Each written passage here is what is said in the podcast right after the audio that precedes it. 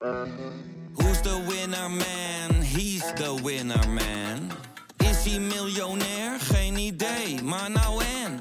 Je hebt geen jackpot nodig to be a winner man. Oh oké, dat is wel lekker man. Dit programma wordt mede mogelijk gemaakt door Toto.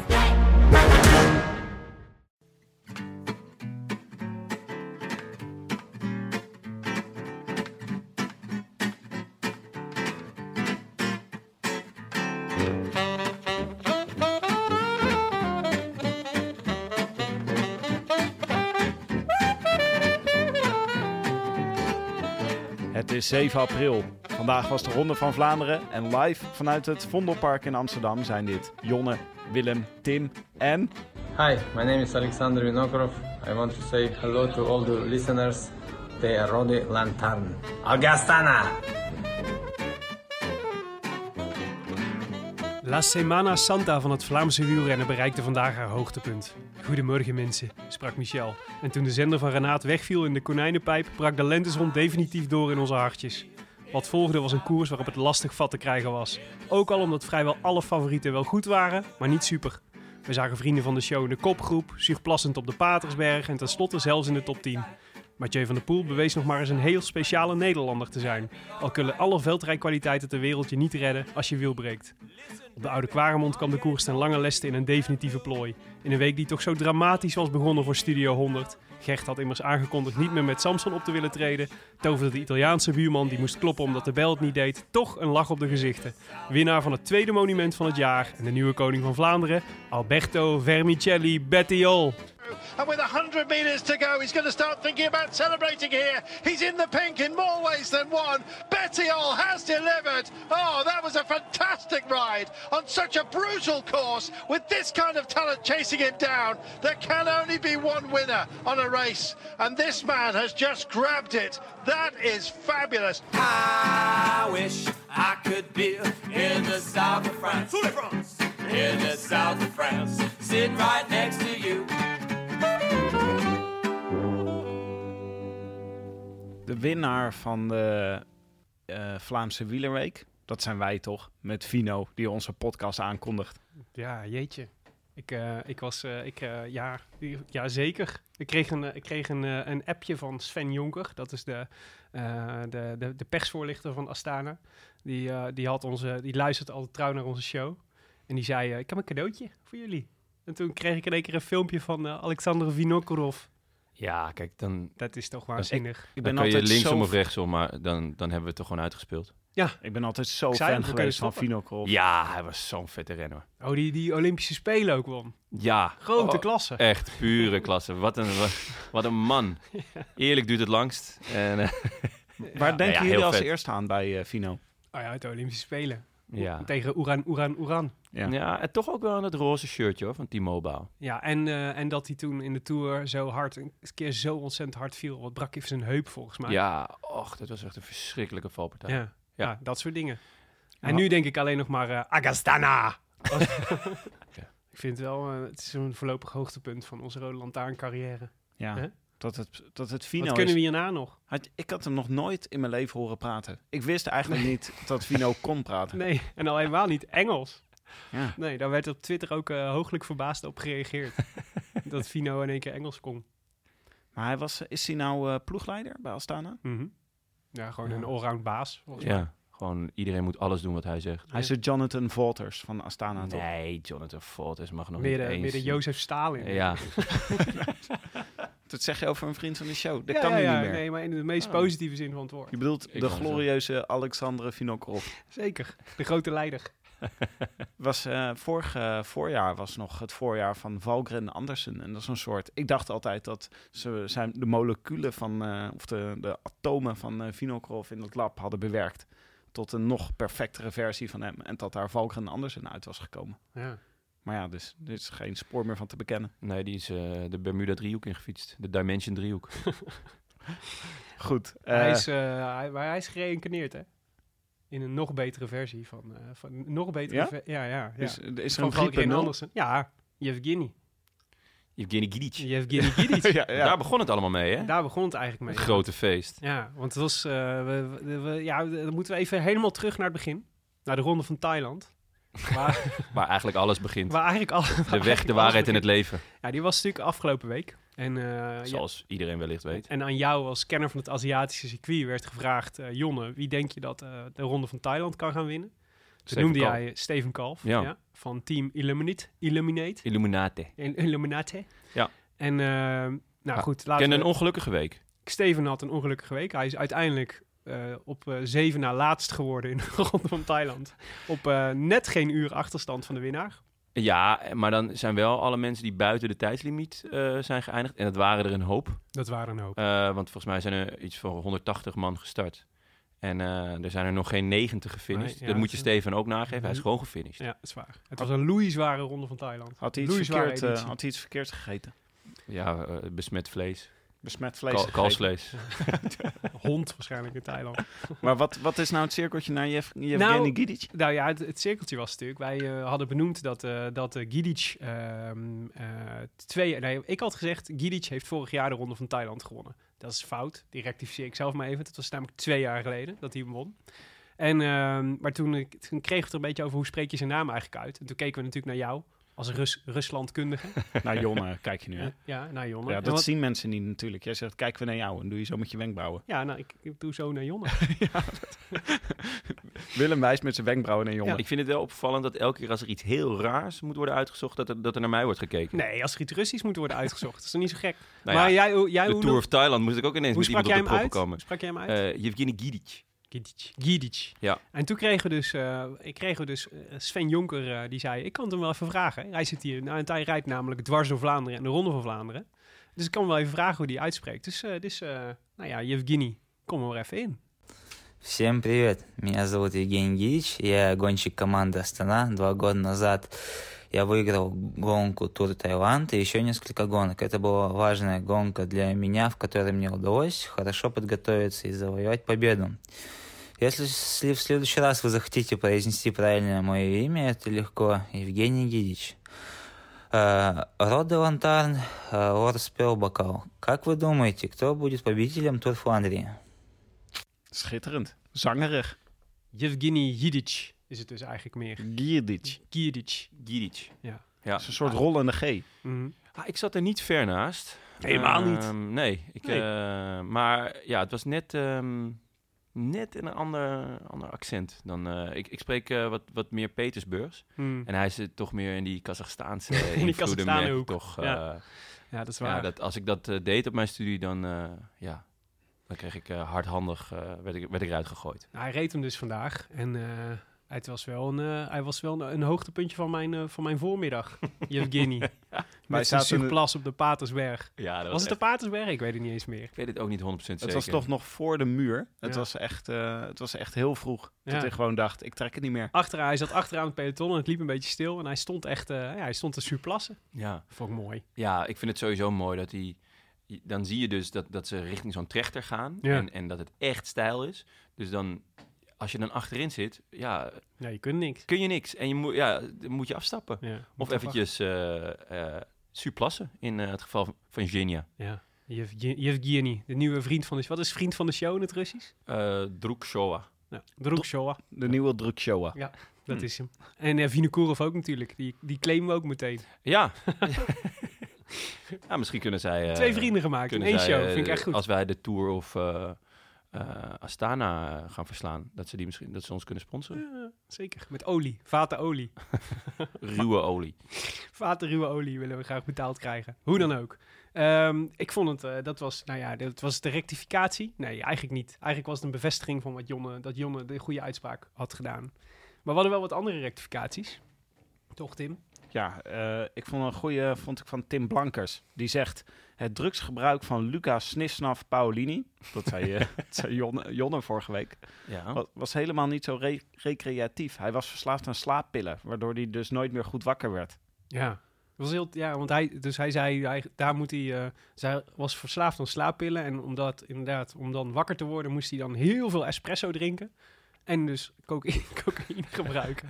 Om zijn ritme een beetje eh, Ja, terug te ik- krijgen. Ja. Maar dit is eh, een, een Dus dat is gewoon bittere noodzaak. Maar dit is een onderwerp altijd bij ons in de podcast geweest. Hè? Het, eh, onze, ons idee, onze theorie dat er te veel eh, koffie wordt gedronken in het peloton. Mhm. Waardoor mensen niet meer goed slapen. Waardoor ze slaappillen gaan gebruiken. Ja. Waardoor ze in een heel rare, ja, in het peloton toch iets heel raars aan de hand is met eh, cafeïne en eh, slapen. En, eh, Ja, maar ik geloof wel dat het bij Luca Paolini wel tikkie extremer was dan, eh, Jij denkt gewoon dat iedereen aan de snifstaf dan zit. een cafeïnepilletje hier en daar.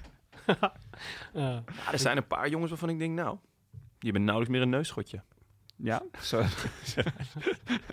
Nee, dat kunnen we niet. eh, smerige verdachtmakingen. dat is echt onnodig. Ja. Nu we het toch over Edward Teuns hebben. Nee. Oh, flauw zeg. Nee, we- Hugo Vogel tipte ons. eh, we hadden het bij onze vorige aflevering bij Gent Wevelgem over de kopgroep waar eh, niet, eh, niet ehm, was het nou Mats of Casper Pedersen? Mats. Mats Pedersen in de kopgroep zat, maar Edward Teuns hadden we verkeerd genoemd. Ja, ik eh, kwam daar tijdens het edit al achter. Toen dacht ik, Ja. oeh, hier Ja. gaan we door Gaan we een vreemde vogel mee om, het, om Ja. de oren worden geslagen. Nou, het bleek Hugo te zijn. Ja, ja, die deed, ja, precies. Wakker als altijd.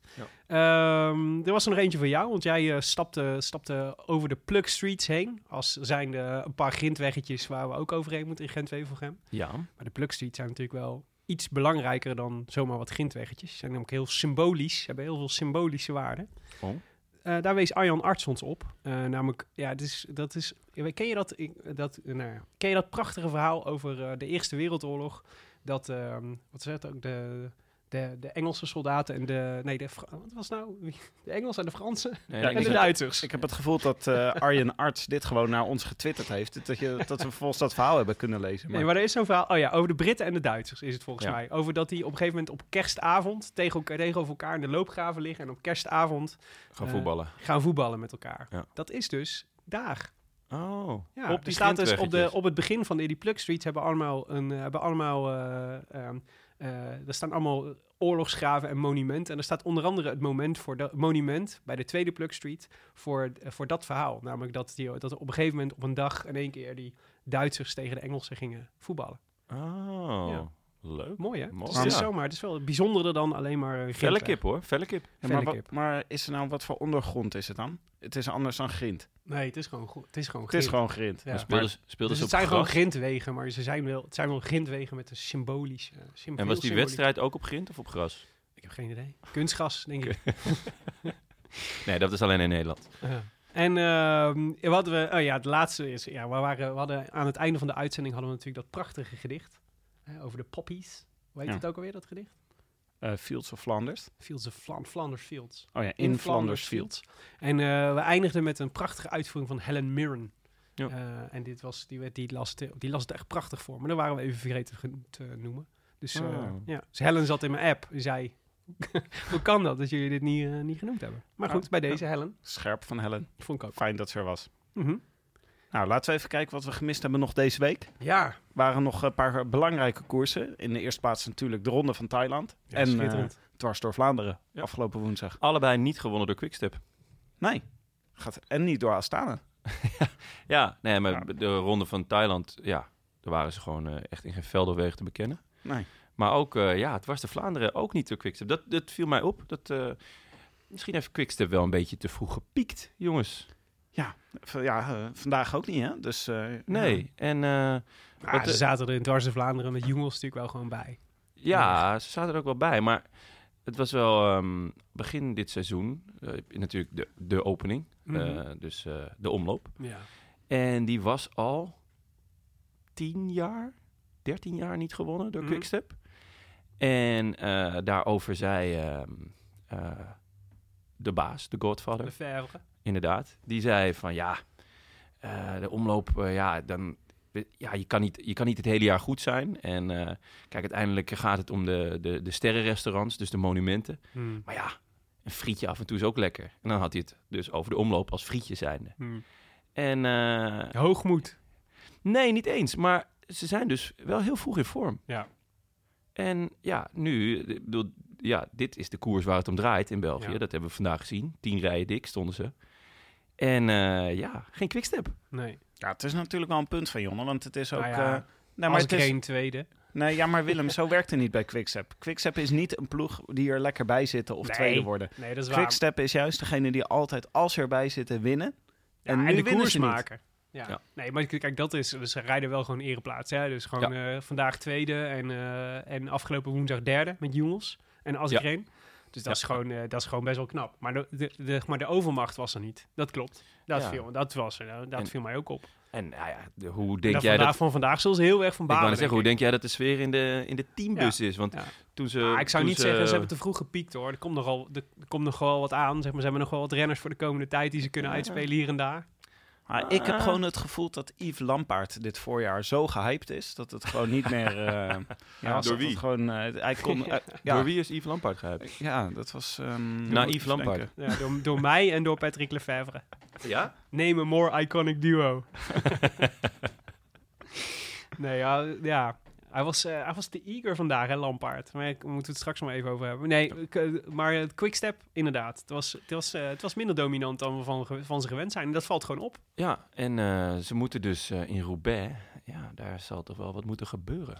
Misschien komt het ook wel omdat de, eigenlijk de ideale quickstep-rijder niet voor quickstep rijdt. Mathieu? Mathieu van der Poel. Nou, eh, ik vond het een eh, uitstekend onderzoekje bij ons in de Rode Lantaarn redactie WhatsApp groep. Daar werd eh, dus even dat doen. eh, dat gebeurt bij voetballers heel vaak. Dan gaan ze even kijken hoe zo, eh, op wat ze op Instagram allemaal liken. Mhm. En dat had Bastiaan Gaillard had dat dus ook gedaan bij Mathieu van der Poel. En die zat dus gewoon allemaal quickstep dingen te liken. Ja, Dus eh, ja, dat, is, eh, dat kan nooit lang meer feitelijk is al rond. Feitelijk is al rond. dat denk ik niet. Ik denk echt eh, dat hij heel, heel goed zit bij Corendon. Ja. Ja, je zag het vandaag wel. Ja. Het was een, eh, in, het was, eh, een indrukwekkend staaltje van ze. Ze zaten gewoon met, Ja. in die grote groep nog met drie man. Nou, dat is gewoon knap. Mhm. En eh, ze raken niet in paniek. Ze zijn tactisch sterk. Ja. En ja, hij kan echt doen wat hij wil daar. Hè. Hij kan gewoon, eh, hij kan, hij kan gaan Ja, hij mountainbiken. hij, hij kan bepaalt het programma.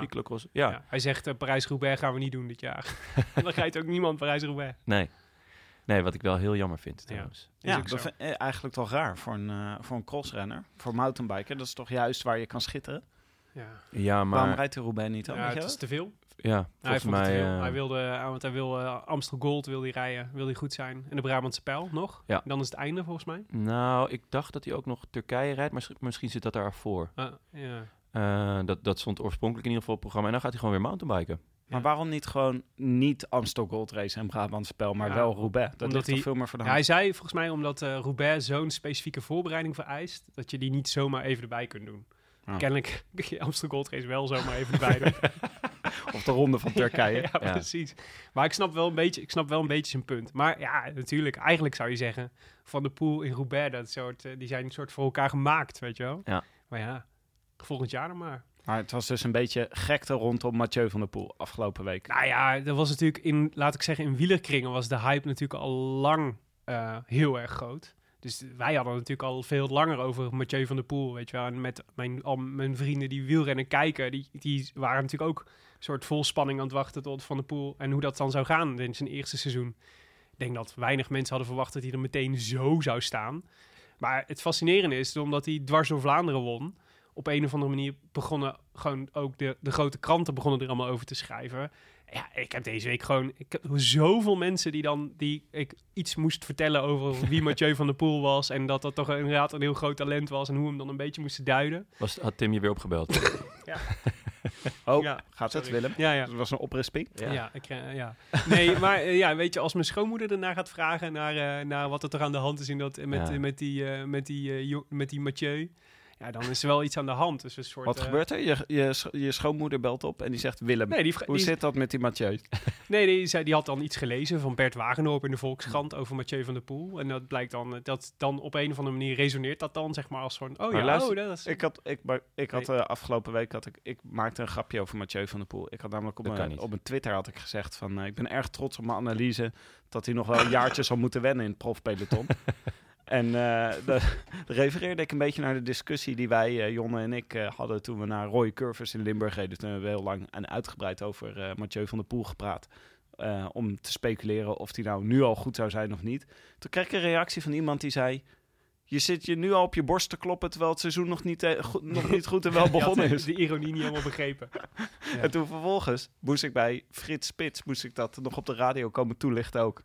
Dus eh, ik, ben, eh, ik ben zeg maar zelf in een plas modder gaan liggen en met mijn armen gaan zwaaien om mijn eigen glazen, om mijn eigen... Maar ik vind toch ik Autoriteit vind toch wel, ondermijnen. vind toch wel moeilijk hoe we hiermee om moeten gaan. Met Mathieu van... En eh, ik vind het A, ik vind het lastig om hem, te, om hem helemaal te, eh, te begrijpen, zeg maar. Hoe groot is dit talent nou? Hoe uniek is nou? Dat, is dat hij... Weet je wel, is het een Sagan? Is het een Merckx? Is het een eh, Van de Broeke? Weet je wel? de- Het is Dat een is toch- Sagan. Ja, ja, maar Het is echt een Sagan. dus een ik, uniek talent. ik hoop ook eh, dat Maar- Sagan nog koerst als hij eh, als Van der Poel de, de Ja, Tour dat ze gaat tegen rijden. elkaar kunnen rijden. Ja, dat, dat er echt voor de groene trui eh, een vette strijd komt. Maar ik vrees een beetje dat Sagan dat, dan, dat hij dan Maar- al genokt is. Maar het is ook een beetje, weet je, welke, wat kunnen wij, hè, de, die hype die er dan lijkt te ontstaan om zo'n jongen. Het is ook een beetje, wel, ja, ik weet niet zo goed hoe ik me daartoe moet verhouden. Moeten we het nou heel erg aanmoedigen? Van ja, het is inderdaad het is een super talent, unieke, un- zo hebben we lang niet gezien in Nederland zo goed.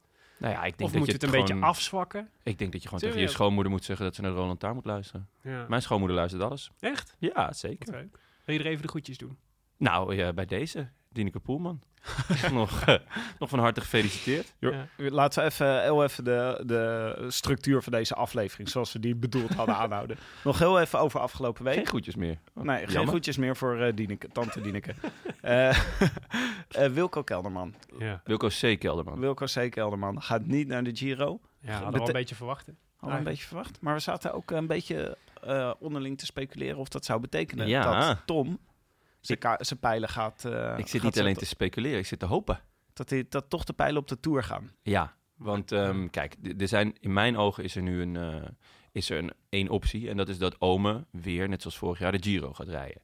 Dan heeft hij ongeveer dezelfde ploeg als vorig jaar qua Giro. Wat op Mhm. zich niet slecht is. Staat nog best een leuke ploeg. En dan gaat Kelderman naar de Tour. Maar ja, het is ook nog niet evident dat Kelderman eh, in de Tour, dat hij, dat hij daar echt goed gaat zijn. Dus ik hoop, zeker ook als je kijkt naar de bezetting van de Giro, want die is echt absurd goed. Veel sterker dan de Tour. Mhm. Dat Tom toch zegt, weet je, die Giro, is echt vet. Eh, ik had hem ook graag gereden, maar Kelderman valt weg en eh, ik ga toch eh, mijn pijlen op de Tour richten. Dat zou ik echt, dat hoop ik echt.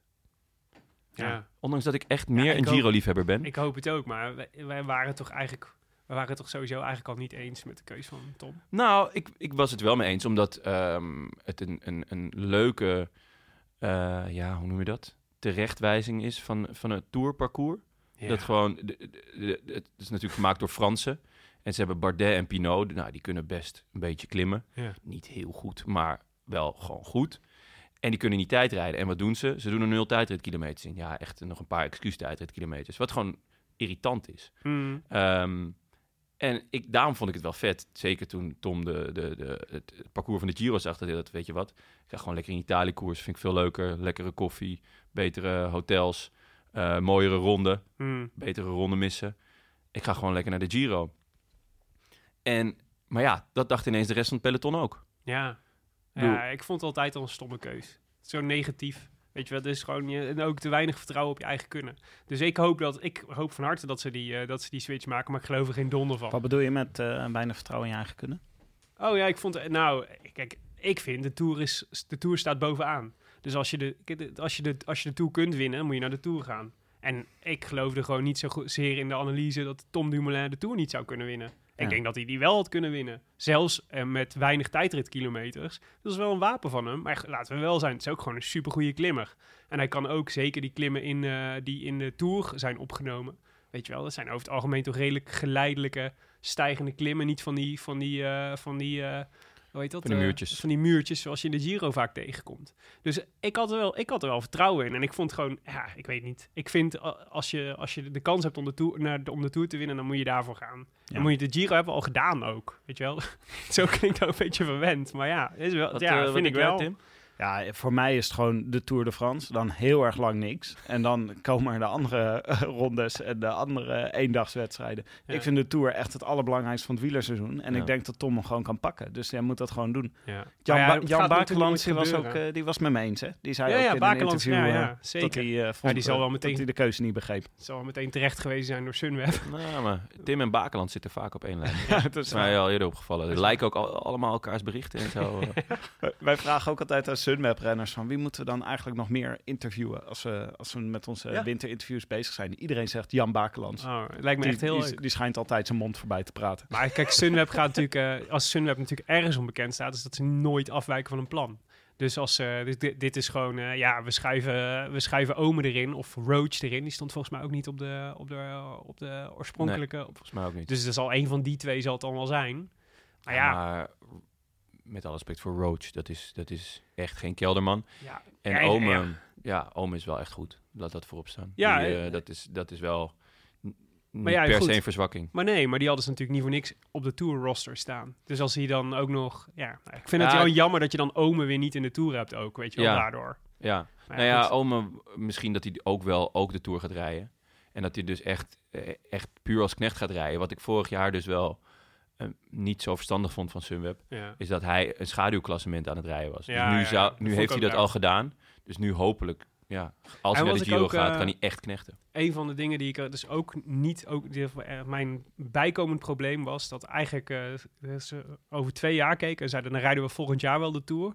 Maar het probleem is als je volgend jaar de Tour rijdt, kan die op de Olympische Spelen niet goed zijn. Ja. En ik wil heel graag dat Dumoulin de Olympische Spelen wint. En dat kan maar één keer in de vier jaar. Dit is eigenlijk zijn laatste kans om dat echt goed te, om dat echt te gaan doen. En dat kan eigenlijk alleen maar als je volgend jaar de Giro rijdt en niet de Tour. Dus zou je eigenlijk zeggen, laten we dan nu de Tour doen. Volgend jaar de Giro en de Olympische Spelen. Geweldig vooruitgedacht, Willem. Ja, echt, ongelooflijk. eh, Ja, Ja. Maar ja. Maar ik denk dat Sunweb best wel eens plannen aan zou kunnen passen hoor. Dat doen ze wel vaker. Ook vorig jaar besloten ze toch ook gewoon om uiteindelijk toch gewoon naar de Tour te gaan. Ja, dus, maar dat, is al eh, dat hadden ze in december al bedacht. Nou, weet ik niet. Dat stond volgens mij. Ik denk dat het met potlood. Ik denk ook dat zeg maar de focus op de Giro of de Tour dit jaar met potlood opgeschreven staat. Ja. Dus het zou nog best kunnen veranderen. Ik hoop gewoon eh, twee, eh, weet je wel, het kan, ook, het kan ook gedwongen worden, hè? of afgedwongen worden. Hè? Dus je kunt ook, dat hij wel naar de Giro gaat, eh, valt in de eerste etappe. Twee, Jij hoopt op een valpartij nee, van nee, Tom nee, Dumoulin. nee, zeker niet. Licht, licht valt, als waardoor zijn klassementsambities. eh en dat hij twee etappes wint in de Giro en dan vervolgens zegt, hé hey, jongens, de groeten, ik ga voor de Tour. Oké, Willem, Aan je hebt, nu, ja, je hebt nu 16 scenario's geschetst. Het wordt Ja. tijd om een, eh, om een biertje Het zit open me te gewoon trekken. heel erg hoog. Tim, wat heb je meegenomen? Ik heb een eh, zeer, zeer bijzonder biertje heb ik meegenomen. Het Ik heet heb, namelijk... nooit, ik heb dit nooit gezien, dit bier. Ja, het is een, eh, het is een Belgisch, eh, Belgisch biertje. Het heet Leffe Blond. Oh, leuk. Hier, hier heb jij er een, alsjeblieft.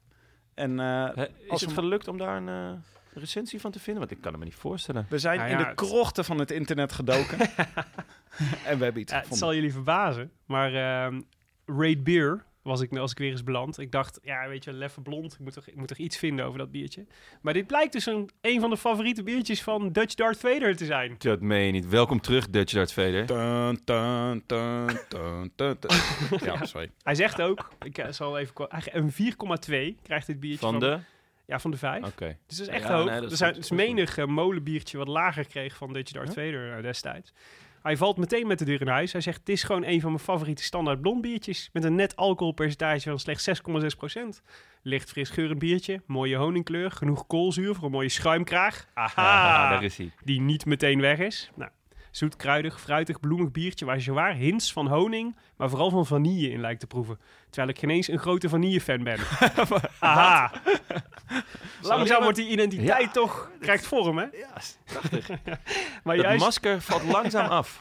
Maar juist door het zoet met vanille en het bitter op het eind maakt dat er genoeg gelaagdheid in zit. En overal zit dan ook gewoon meer dan een goed biertje. Elke keer verrast het me dan ook dat dit commerciële bier, naast geweldig volle rijke smaak, ook wonderwel met een beetje beleid gewoon doordringbaar is. Dit is en blijft een van mijn standaard speciaal biertoppers die je in het wild gewoon vaak aan de tap kan vinden. Hatsé. Het is gewoon onverbloemd enthousiast over Leffe Blond. Ja, en ook Ja. mooi geschreven. Ja, ja dat is, ik neem hem ook niet voor niets voor jullie mee. Willem, kan jij hem openmaken? Ik ga ze openmaken. En dan kan Jonne misschien vertellen wat die ronde van, eh, van Vlaanderen voor, eh, voor koers is. Ja, Tim, dat kan ik zeker. Maar het is voor jou echt het moment van het jaar, toch? Ja, ik, eh, ik kijk hier echt al weken naar uit. Ehm, om niet te zeggen maanden. Het ging nog bijna mis. Mijn, Oh. vriend, ja, dat, eh, mijn vriendinnetje is namelijk eh 6 april jarig.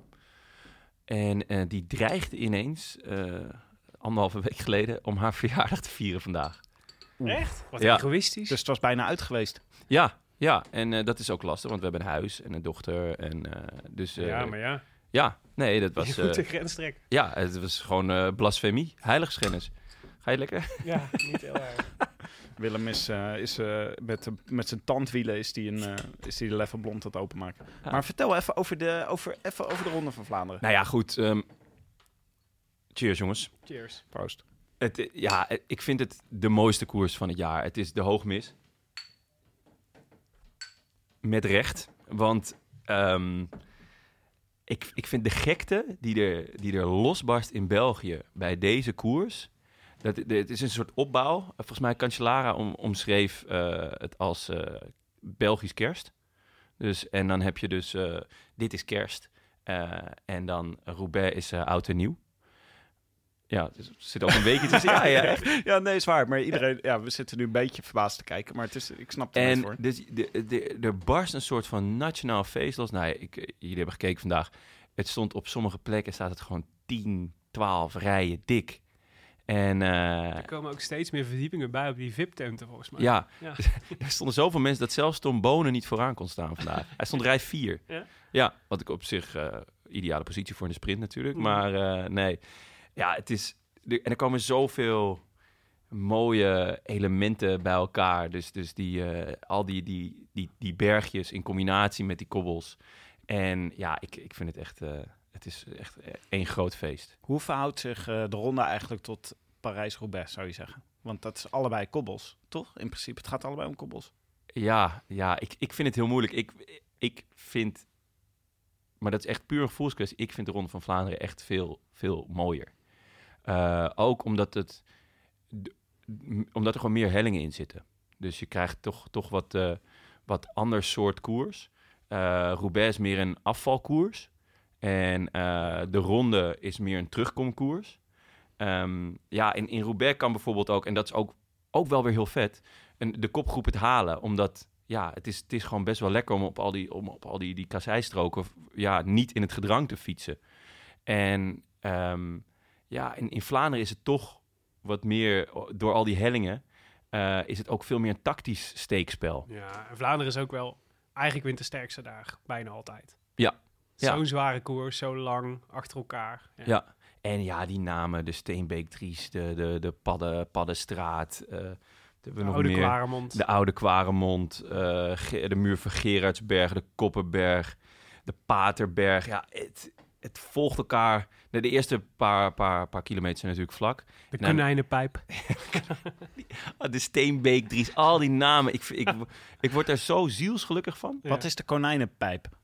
En dat is waar. eh, dat is die tunnel in Antwerpen waar ze, waar ze in een neutralisatie doorheen gaan. En daar valt... eh, Renaat valt, Renaat! Ieder, Renaat valt er ieder, ieder jaar weg. Het is een heel grappig moment altijd. Vooral Ja. als je het vaker hebt gezien. ja. We Dus rijden, we rijden nu de... We gaan even voor het e- ja, precies. We gaan even voor het eerst naar Renaat toe, zeggen ze dan. Renaat! Ja, ik ga zo meteen de konijnenpijp in en dan zal ik wel. Oké.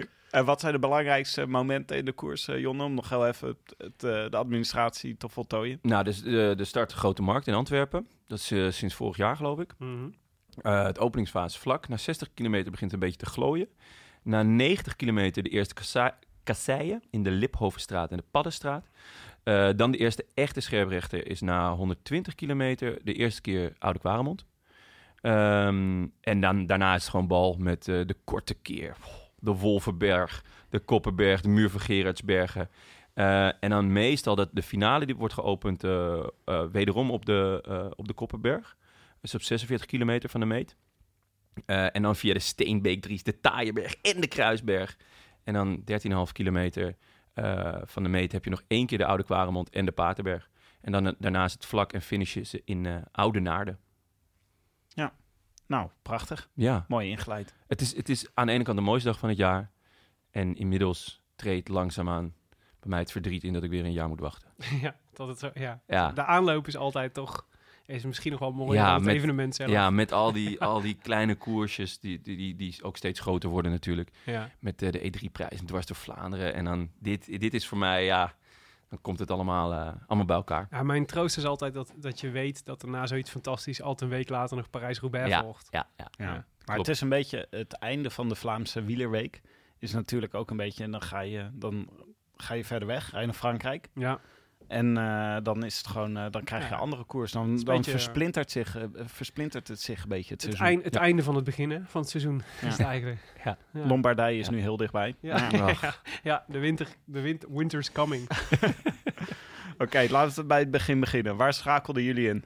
Ja, bij, eh, om, eh, ik was om half acht wakker. Was toen ging ik, het eerste wat ik deed vanochtend was opzoeken hoe laat de live-uitzending begon. En toen was ik vervolgens teleurgesteld dat het om half tien pas was.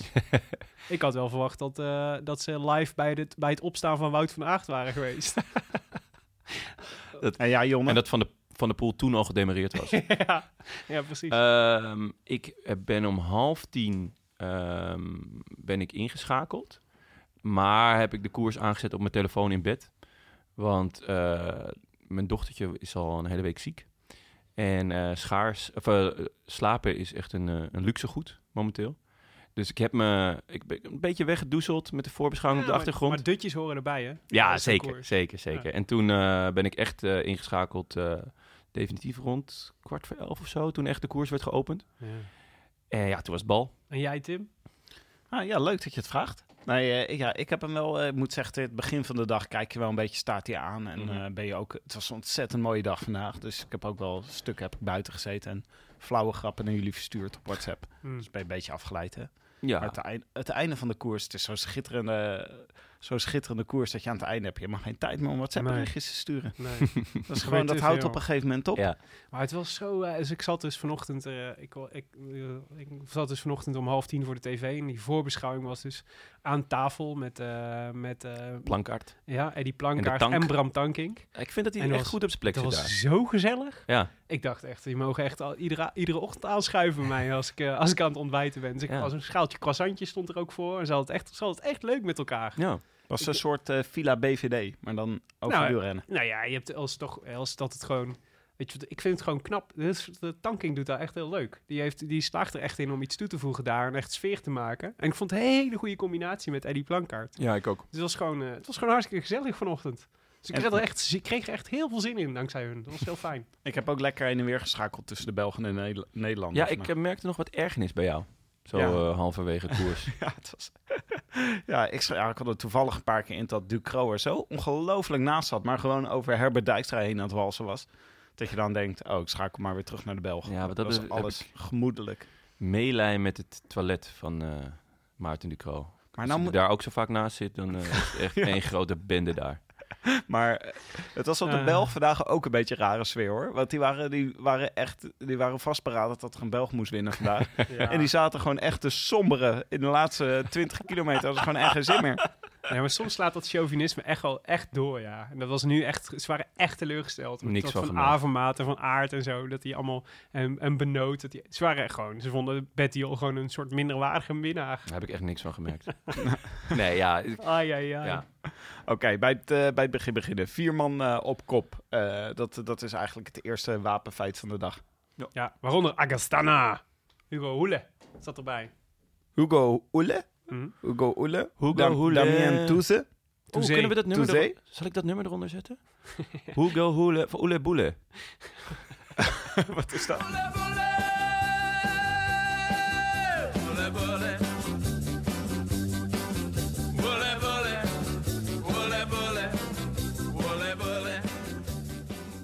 Ik stel voor dat, je, dat we daar de show mee afsluiten. Ja, uitstekend idee. Eh, ja, To- eh, To- Toezee, Hoele, Jesper Asselman van Roompot. Ja. Leuk hè? To- Ja, dat was een roompot. eh Ik heb heel de week... op de eh, raarste momenten op vandaag. Ik heb heel de week allemaal Instagram-posts geliked van allemaal roompot-jongens die eh, zeiden dat je als je je kleurplaat bij de Ronde van Vlaanderen inleverde, dat je dan, dan, dat je dan Koos Konijn, dat mas, die mascotte kon winnen. Dat was de actie van Roompot. Zo allemaal, Oh, Lars had je- had allemaal Had Instagram-posts. je een kleurplaat gemaakt? Ik had een kleurplaat. ja, ja. Ja, als je toch om half acht wakker bent. En Kenneth van Rooij zat er ook bij. Ja. het is een klassiek kopgroepje toch? Gewoon eh, vier mannen van, eh, nou ja, eigenlijk drie man van, eh, van niet zulke grote ploegen. En Astana, die vertegenwoordigd was, Ja. die dan vooruit mogen rijden. Ook wel slecht door van, die, van de rest van de Pro Continentaal, want die zat er niet bij. Ja, Vital Concept zat er niet bij. Ehm, ja, dat, dat is toch voor hun is eigenlijk na 10 kilometer is de koers gewoon mislukt. Deed je Novo eh Noordisk mee? nee, we hadden, Nee. Geen, eh, hadden geen wildcard gekregen. Oh, jammer. Helaas. Geen grap afmaken, Tim. Nee, nee, nee. niks. Eh, nee, alleen maar respect voor hun. Maar we hebben natuurlijk eh, in die periode veel Quickstep en Jumbo gezien in Ja, beeld. kop. Ja, die waren gewoon eh, een beetje aan het controleren. Zorg dat het gat niet te groot werd. Iljo, Iljo en, eh, en Tim. Ja, en laten we niet vergeten de valpartij van Ja. Nicky. Wat gebeurde er? Ik, want eh, ik had dat dus Toch de even winnaar gemist. van vorig jaar. Uh, volgens mij, ik weet niet helemaal zeker. Misschien was ik even, was ik even weg of was het tijdens het journaal. Maar eh, ik heb het niet live gezien in ieder geval. Ik heb het alleen gehoord, want ik zat op de fiets naar Het was niet van in mij. beeld. Het was, eh, het was, eh, ik zat wel voor tv, maar er Ja? waren geen beelden van de valpartij. Je zag alleen ineens Terpstra op de grond liggen. ja. Ja. Het was een gek moment, want het was volgens mij gewoon een rechte weg, toch? Ja. Dus het leek een beetje Ja. alsof hij, eh, alsof hij eh, of weet je wel, zo'n dat, dat je dat ze in, in elkaar sturen haakt. Of eh, ik had- zag ook wel een paar van die, had je van die wegen met van die eh makkedammer, eh, weet je, van die betonplaten. Ja, ja, ja. waar dan zo'n zo- scheur tussen zit. Of zo'n, Ja. eh, zo'n, zo'n ja. ja, ik Ja. weet het niet. Ah, Tankink zei het ook, van ze fietsen zo kort op elkaar. Ze zitten echt schouder aan schouder. Dus als er iemand Ja. op zo'n lang recht stuk wat minder geconcentreerd is, ja, dan, dan kunnen dit soort dingen gebeuren. Maar ja. het zag er eng uit, omdat hij een tijdje niet bewoog. Ja, ja, Dus gelukkig, eh, op een gegeven moment zag je zo zijn benen gaan. En dan, eh, ja dan, precies. Ja. Dat altijd wel meteen een soort van opluchting. dus eh, misschien wel een mooie nominatie voor de, de fruitmand van de week. Ja, dat denk ik ook, ja. Ja. Ja, nou ja, laat hem zo meenemen. Maar, eh, maar eh, ja, jammer, want eh Parijs-Roubaix is dus ook niet, gaat, dus ook niet, gaat hem dus ook niet meer worden voor Terpstra. Nee. Maar hij komt wel terug op zijn Instagram. Hij, was dus, eh, Ja. hij lag even daar knock-out, maar later meldde hij zich weer op Instagram. Ja. En toen zei hij, ik kom terug. I'll be back. Het is toch geweldig eigenlijk dat renners dus ook gewoon hun Instagram hebben om zelf die mededeling Ja, te doen. zeker. Waar heb je die foto van die teamarts van Direct Energy gezien? Die hadden ook zo'n, ze hadden zo'n officieel communiqué waar dan zeg maar in stond van ja, Terpstra is gevallen en het, eh, nou ja, het is wel erg, maar niet, niet zo erg als jullie allemaal dachten. En er stond dan zo'n foto bij van, zo'n, van de dokter van Direct Energie, die ook zo'n beetje zo treurig in de camera keek. Ja, vind Dat ik, was zo grappig. maar dat Ik dacht vind, wel een leuke illustratie van je tweet. ja, ja, vind ik ook wel terecht. Maar Want laten we er gewoon... eh, niet zo vrolijk kijken. nee, dat is toch ook vet zuur. Ik bedoel, het is gewoon een kopman. Daar hebben ze vet veel geld voor betaald. Hm, ja, wel Ja, mooi. Ja. Mooi stukje inleveringsvermogen bij Dat de, vond bij ik de ook. ploegarts. Vond ik knap. Maar ik had heel even de impuls, dacht ik, ja, fuck it ook. Ik zet hem uit, ik ga naar buiten, ik ga in de zon zitten. Ik vond het echt heel erg dat eh Terpstra gevallen was. Ja. Ik had gewoon wel verwacht, zeker met de kopgroep die vandaag eh, helemaal tot het einde meereed, dat Terpstra sowieso bijgezeten. Nou, het is ook wel een koers die je, weet je, de sterkste wint. Dus als je gewoon echt sterk bent, zoals Terpstra, dan is het niet per se heel erg dat je niet een hele goede ploeg bij je hebt, zeg maar. Ja. Dan kun je nog steeds winnen. Terwijl Ja, dat in, alle grote kleppers zaten vandaag ook bij- bijna allemaal zonder, ja, zonder eh, maar terwijl dat in andere, in, in, zeg maar, iets lichtere Vlaamse koersen veel ingewikkelder is. Ja. Ze had wel een kans, dus het was heel jammer. Ja, dat was echt, ja, zonde. Rug nummer 1. Abandon. Abandon. En daar was hij nog zo trots op, op zijn rug nummer 1. Als je Ja. vorig jaar gewonnen hebt, dan mag je nu rug nummer 1 dragen. Ja. De schifting, daar moeten we het Op de muur. over hebben. Want dat was wel echt het eerste echte... Nou ja, de, de val van Terpstra was een, het belangrijk moment één. Maar belangrijk moment twee was eigenlijk...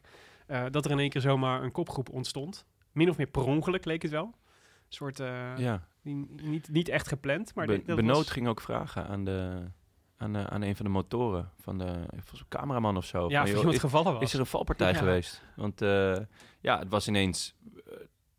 zaten eigenlijk alle kleppers eh, met elkaar in een groep, best wel een grote groep ook. En die hadden ineens een halve minuut op, eh, wat was het? Een kilometer of? Nee, dit was bij de, dit was bij de muur van Gerard. Ja, ja. Ja, ontstond dat was nog echt heel ver, hoor. Ja, het was nog 100 heel nog. Ja. Ja. Ja, en ja, op ongeveer 100 kilometer. Ja, zoiets. En eh n- eh, Nase zat op de verkeerde plek. eh, van Marken, Christophe. Nou ja, en eh, we, we wisten wel, ik dacht wel op dat moment ook, ja, Jezus, op een gegeven moment hadden ze 30 seconden. Dat gaat echt nog wel ingelopen worden, maar het kost je gewoon superveel energie. Ja. Dat is gewoon heel vervelend. En het was vooral voor Lotto Soudal heel vervelend. Want die zaten ongeveer met een integrale ploeg in die, eh, in die, hadden integraal achterstand opgelopen. Ja, Ja, maar het grappige was, die groep die voorop zat, met al die kopmannen, die wisten eigenlijk ook niet zo goed wat ze nou moesten doen. Want al, al hun knechten zaten ook achterin. Ja, en het die- was nog super ver. Ja. Weet je wel, dus dan heb je een soort van, ontstaat een soort van twijfel van, ja, we, we- het is niet, eh, ja, we- ja, wat heb je eraan om door te rijden als, als alle kleppers er nog steeds bij zitten. Ja. Terwijl er, er waren er natuurlijk wel al een paar die er niet bij zaten. Ja. Nase, Van Marken, Christophe. Wel eens. Ja, Daarom reed Lotto Soudal, want Benoot zat er wel bij. ja. Ja. Het was een mooi moment geweest voor Sagan om gewoon weg te rijden. Dat was, toch die, dat was Ja. gewoon eh, om deze hele koers, om alle, dan kunnen alle plannen kunnen Ja. gewoon de prullenbak in. Maar je ziet dan op zo, dat soort momenten wel, vind ik altijd, dat is, dat is wel een soort van wijfelachtigheid. En dat is dan ook wel weer leuk, vind ik altijd, van Mathieu van der Poel. Dat hij altijd rijdt gewoon. Die gaat gewoon, Ja, die ja, gaat gewoon knallen dan. Ja. Veel mooi. Ja, en dan is eh, eigenlijk de volgende, de volgende stap is dat het toch weer bij elkaar komt. Want eh, ja, we zaten natuurlijk te kijken. Er gebeurde veel. Het was wel, was wel leuk. Mensen probeerden het wel. Ja. Ja, Maar- ehm, er, was, er waren vier man op kop. En wie probeert er naartoe te springen? Van Poppel. Oh ja, ja, ja. ja, ja, jongen, jongen, Dit jongen. was een geweldige actie. Ja, ik, Dit was echt de klassieke Chas Patat. Hij bleef heel lang tussenin hangen. Hij haalde het uiteindelijk wel, maar hij haalde het zeg maar en 20 seconden later werd hij goed teruggepakt. ja, het is, Ja. eh, ik, eh, bij Van Poppel heb ik een mailen met zijn vriendin. Hij komt altijd te vroeg. Het is echt, echt verschrikkelijk. Eh, waarom doet hij dit? Ja. Nou ja, de- ja, het was gewoon een hele stomme actie. Hij was ook gewoon opgeblazen daarna. Dat ja, was het. er werd wel gezegd nee, nog nee, nee, hij had het, nee, dat is- mechanische pech. ja, mechanische pech. Dus ja, het dat zeiden ze achteraf. Maar is dat echt zo? Want dat was Ja. gewoon echt eh, mechanische pech. Ja, Op welk ja, moment had hij dan mechanische pech? Want hij, was, hij probeerde dat gat dicht te rijden. Dat lukte. En toen werd de groep ingelopen. Ja. Wat was dan het moment Ja, van mechanische pech voor dat hem? moment. Dat de groep werd ingelopen. Daardoor werd hij gelost. Dat Zij, zij Oh, dat later toen hij daardoor moest lossen. Ja. Dat was het moment dat hij Ja, dus dat was niet had. omdat hij uitgeput was van de, van de, van de inspanning, maar dat was, zij zegt Jumbo-Visma, was omdat hij mechanisch pech had. Ik ben benieuwd of kalm, maar- eh, of hij dit ook tegen zijn vriendin zegt. ja. sorry, het gaat mechanische pech. Ja, maar oké, maar even in defense of, eh, van Poppel. Er valt wel wat voor te zeggen als die groep vooruit rijdt, zeg maar, dat het prettig is om een Jumbo-Visma-jongen erbij te hebben. Maar de hoeveelheid energie die je moet gebruiken om, eh, om daar te komen, zeg maar, en de kans dat die groep vooruit blijft, is natuurlijk zo klein. En de hoeveelheid energie zo groot dat het eigenlijk natuurlijk... Ja, het was gewoon een hele gewoon een stomme rare, Het was een hele rare, stomme actie. Ik had ook een- niet het idee dat Van Aert er heel blij mee was Nee, met het wat hij is daar deed. niet, maar het is Want ook het niet gevo- zijn eerste stomme actie dit voorjaar. Ik vind dat hij echt een buitengewoon sterk voorjaar rijdt. Echt ver boven Ja, zeker. mijn verwachting. Ja. Hij is echt rap. Hij is echt rap. Hij is misschien niet rap genoeg voor massasprints. Maar je wil echt niet met een klein groepje met hem naar de streep. Nee, Waarom wacht hij niet? Waarom is er niemand die tegen hem zegt Ja, van... het is joh, gewoon weinig koers in zich. je bent sterk. je bent snel. Ja. Wacht nou even. Misschien moest hij gewoon even in beeld rijden. En eh, had hij hele slechte benen, dacht hij, ik ga even in beeld rijden. Dan heb ik tenminste gewoon eh, Maar het was... Het, de- iets voor de sponsor gedaan. Kijk, dat is. Oké, ja, weet je, een mechanisch defect kan natuurlijk altijd. En daar kun je uit de, mee uit de kopgroep zakken. Maar het was natuurlijk ook. Hij had natuurlijk heel veel energie verspeeld. Maar het gevolg is wel dat, dat eh, Jumbo Visma eigenlijk de rest van de koers, zeg maar de laatste 100 kilometer, eigenlijk maar met twee man in de kopgroep zat. Of in de, in de voorste groep zat. En dat is natuurlijk, ja, dat is natuurlijk niet veel. Daar kun je eigenlijk niet zo heel veel meer mee. En eh, eigenlijk alleen van Aert die echt, die echt wat kon vandaag, zeg maar in dat opzicht. Ja. Ja, ja, ik vond, ja, het, ja, het is jammer. Je gunt hem wel, eh, je gunt hem iets meer koers in zicht, die jongen. Ik hoop dat ze hem dat Ja. nog aan gaan leren. Ja, ik ook. Eh, nou ja, nou, we hadden, het was een periode van een beetje rare aanvallen, vond ik. Eh, een heleboel mensen eh, kwamen voorop te zitten waarvan ik niet had verwacht dat ze dat toen al zouden doen. Of waarvan meest heel veel energie verspilden. Zo Ja. ook Mohoric op Ja. de Canarieberg. Ja. En eh, mijn, eh, mijn paard waarop ik gegokt had, Luke Rowe, zag ik toen ook nog even eh, schitteren op kop. Maar eh, ja, daar heb ik voor de rest niet eh, heel veel van gezien. Nou, reed wel aardig, maar het Ja, was, Ja, maar je weet altijd wel... te vroeg. Als, ja, precies. Als die gasten zich zo vroeg laten zien, dan is het eigenlijk... Ja. Ja, ja, ja. Het was ergens ook wel goed nieuws, want toen dacht ik ineens, oh, zou Dylan van Baarle goed zijn? Ja, En dat, Dat- was hij. dat bleek hij. Ja, dat bleek Ja. hij ook te zijn. Eh, maar, eh, maar daarover meer, want we werden weer, eh, we moeten het hebben over, over nog een valpartij van onze andere grote favoriet, Ja, Mathieu. Mathieu van, der der Poel. Ja, dat was eh unfortunate. Die hadden we wel mooi in beeld. Ik weet niet of Ja, bro. unfortunate het juiste, juiste Ja. omschrijving is. Ik vond het wel ook deels zijn eigen schuld. Nee, natuurlijk is het zijn eigen schuld. Ja, Ja, ja, maar goed. dus unfortunate. nee, nee, Kijk, zij, hij- hij wilde Hij over... pakt een eh, plantenbak mee. ja, daar Dat brak zijn wiel, zegt hij. Ja, maar het was nog niet helemaal gebroken. Maar hij rijdt eigenlijk nog een stuk op door. Ja, Eh, en hij gaat met één hand rijden. Om, om aan te geven van jongens, ik ik, heb hulp nodig. ik heb hulp nodig. Terwijl hij had En gewoon... op dat moment breekt zijn wiel. Volledig, zei hij. Ja, Ja. maar ja, ik had het idee dat hij gewoon kon remmen. Ja, Als hij gewoon volle bak zijn maar achterrem... volgens mij was hij al... Ja, maar ik denk dat hij al... Maar je moet, denk niet moet onderschatten hoe hard ze op dat moment reden. Eh, en voordat je dan helemaal stilstaat, zeg maar, met gewoon... Als je gewoon alleen op je achterrem aan het remmen bent... Eh, dus, ja, nee, je hebt helemaal gelijk. Kijk, dat is natuurlijk gewoon een... Het is natuurlijk stom. Hij moet natuurlijk niet in die positie komen dat hij over zijn plantenbak heen moet. Het is gewoon echt zelfoverschatting. Weet je wel, dat je... de- de- de- Ja, dat, maar then dat- again, 9 van de 10 keer waarschijnlijk, of 99 van de 100 Ja. keer bij Mathieu van der Poel gaat dit goed. Nee, maar dat, die plantenbak, dat kan nog. Ik bedoel, dat je zit daar en je, je probeert nog iets. Ja, Maar ik vond eigenlijk daarna... Iedereen zag al een tijdje van, hé, hey, dit gaat mis. Ik had zoiets van, vol je achterrem in. Ja. Dan sta je gewoon stil. ja, En in plaats daarvan ging hij nog een beetje doorrijden. Stak hij zijn hand omhoog. ja. Toen deed hij weer twee handen aan het stuur. Kwam hij over een brandweerputje. En toen viel hij nog over zijn stuur heen. En dat laatste was volgens mij echt onnodig. Ja, het is- ja, zijn wiel brak gewoon. Dus hij, daardoor deukelde hij eroverheen. Dus volgens mij Ja. ging, reed, hij niet eens erg, reed hij niet eens ergens in. Maar zijn wiel was al gebroken Ja. en brak toen helemaal. Ik dacht Ja. echt, toen ik hem daar zag liggen, dacht Ja, ik, oh, daar gaat ook ja, zijn voorjaar. sleutelbeen einde seizoen, ja. Ja, maar hij stapte, hij stapte, eh, hij bleef ook nog, eh, hij bleef even zitten. ja. Toen stapte hij op. Toen reed hij niet super hard weg. Hij reed gewoon, zeg maar, gewoon weg.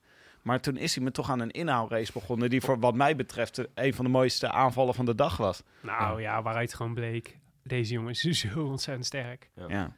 Ja. Dat, Ja. dat je dit kan, zeg maar. Maar hij schoof steeds wat op. Dus je zag hem bij een paar beklimmingen achter elkaar. Zag je hem steeds iets verder opschuiven. Nou, het, kan, het kan eigenlijk niet. Zeg maar op dat punt waar hij viel, op het moment dat het peloton zeg maar in volle, volle vaart eh, aan het rijden is, dat je dan nog gewoon terugkomt in de kop van de koers. Het is zo Ja. waanzinnig knap. Ja, In precies. zijn eentje. Ja, Niet wat- dat hij vijf ploegmaats voor Wel hem een had beetje gek dat, eh, dat eh, de Volder niet op hem wachtte, vond ik. Want hij moest heel veel alleen doen. Hij had op een gegeven moment dat hij kwam hij weer bij de, bij de Volder en eh, Dries de Bond volgens mij is er ook Ja. nog bij.